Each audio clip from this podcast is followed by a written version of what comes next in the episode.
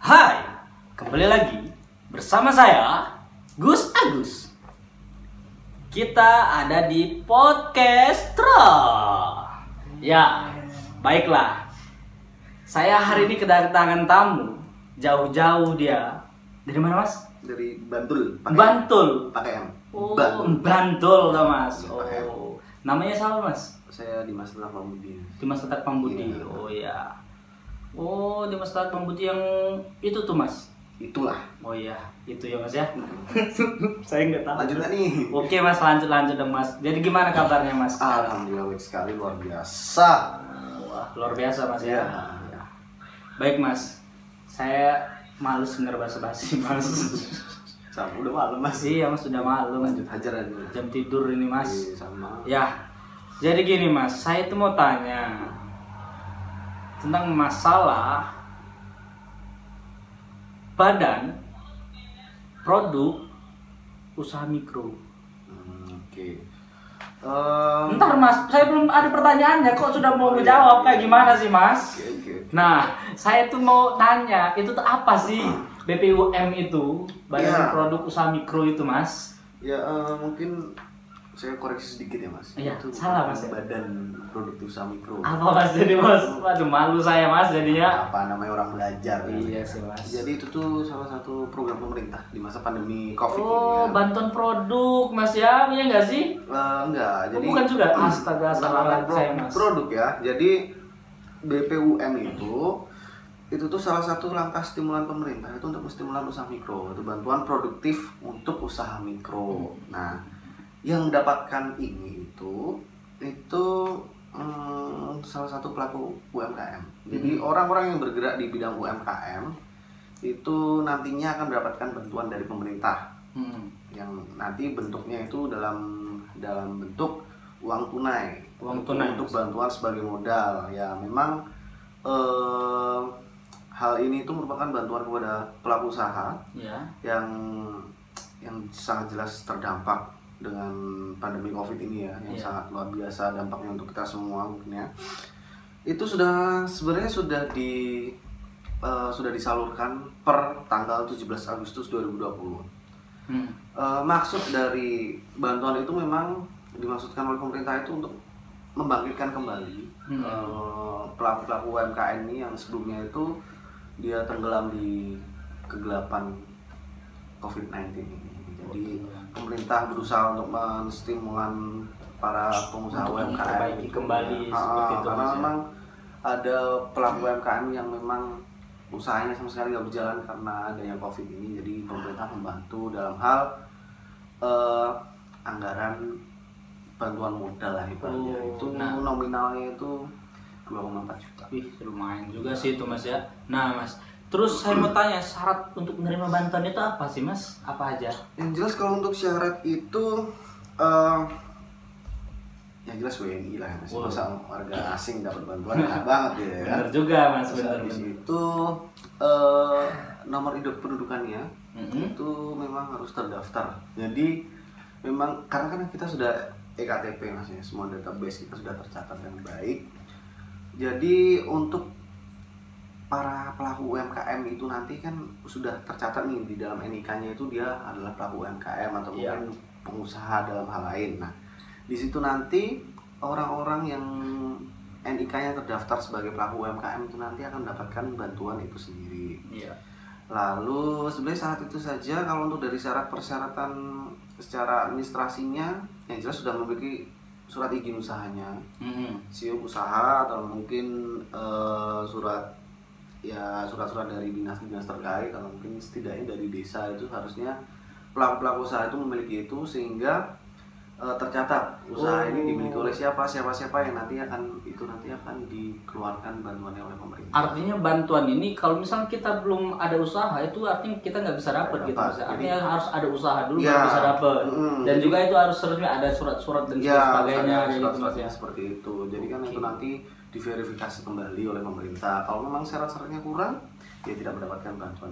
Nah, Mas, ini saya juga mau tanya ini itu kayak gimana sih proses mendapatkan bantuan itu kayak gimana atau gampang kah, simple atau kayak gimana sih Oh, sebenarnya prosesnya itu? syaratnya simpel sih.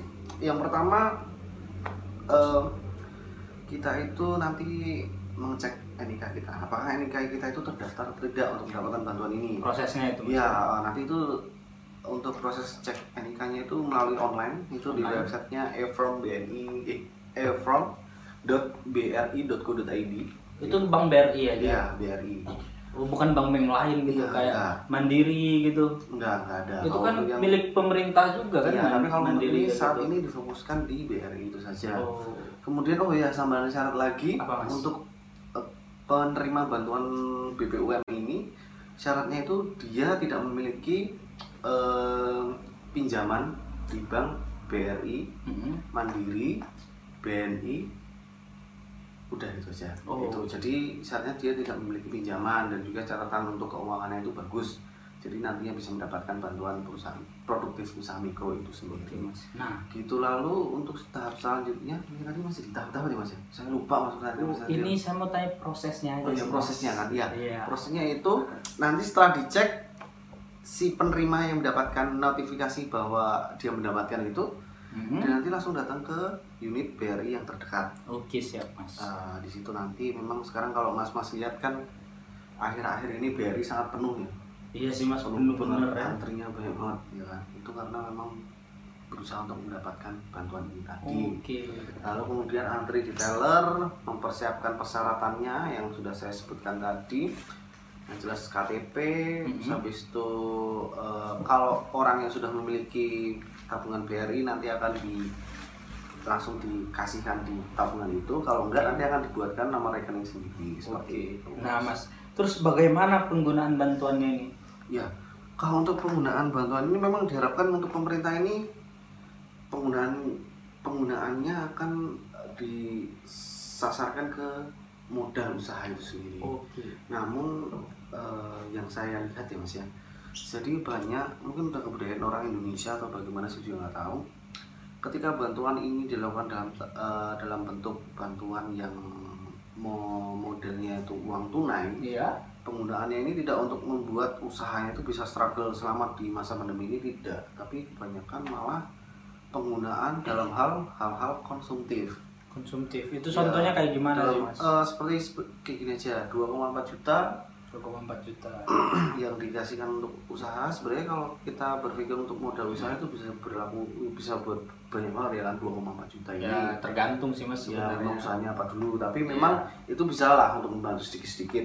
Nah namun yang saya temukan itu kebanyakan malah mereka ini menggunakan uang ini untuk hal-hal konsumsi seperti mohon maaf membeli handphone Oh. untuk jalan-jalan atau mungkin untuk eh, membeli baju baju-baju yang mungkin lebih modern lebih bagus seperti itu. Nah memang apa ya kalau untuk apalagi untuk sifatnya kalau bantuan yang langsung dalam satu tahap seperti ini tidak dalam bertahap-tahap ini memang rawan untuk penyelewengan dalam hal penggunaan itu sendiri. Benar sih mas. Eh, apalagi kan kalau dari bantuan BPUM ini tidak ada controlling dalam hal penggunaan anggarannya Hmm. tidak ada laporan ini anggaran 2,4 juta ini dipakai buat apa aja nggak ada. Benar. Jadi banyak pelaku UMKM itu cuma menggunakan hal itu ya untuk seperti itu.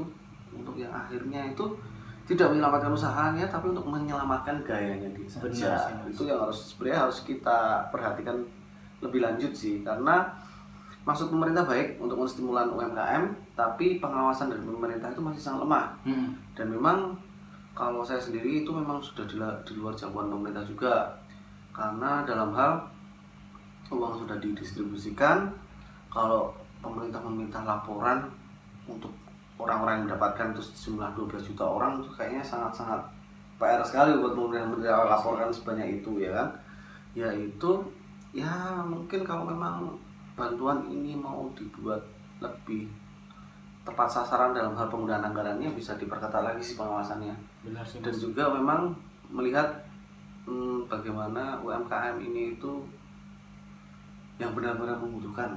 Karena banyak UMKM yang sebenarnya masih bisa struggle tapi juga terdaftar di sini atau mungkin orang-orang yang sebenarnya tidak memerlukan bantuan tapi bisa mendapatkan bantuan ini oke Mas. tapi di pengawasannya aja lebih diperketat sih untuk masalah Nah mas, Gitu. untuk bantuan ini kira-kira itu ada timbal balik nggak untuk pemerintah? atau memang pure memang untuk bantuan aja gitu atau memang harus ada timbal baliknya dari ini pengusaha itu tersebut usaha mikro tersebut ke pemerintah Kalau gitu, dari Mas. kalau untuk timbal balik sebenarnya pemerintah tidak mempatokkan untuk timbal balik A B C D itu tidak. Mhm. Memang ketika anggaran sudah didistribusikan itu nanti akan menjadi wajib eh, tanggung jawab dari pelaku UMKM itu sendiri yang Iya. mendapatkan bantuan. Jadi pemerintah cuma mengharapkan ya anggaran ini itu digunakan untuk modal usaha walaupun memang tidak ada pemerintah tidak me- mempatokkan harus ada timbal balik untuk laporan atau mungkin timbal balik untuk UMKM yang tetap berjalan atau mungkin pelaporan di tingkat desa atau mungkin di tingkat kabupaten itu tidak ada Oke. masih sangat lemah sih untuk pengawasan Oke, oke. Ya, baik. Ya mungkin saya sudah mulai paham lah untuk masalah bantuan BPUM ini dan juga mungkin teman-teman yang lagi dengar podcast ini mungkin sudah mulai sedikit paham ya tentang permasalahan BPUM ini, bantuan ini.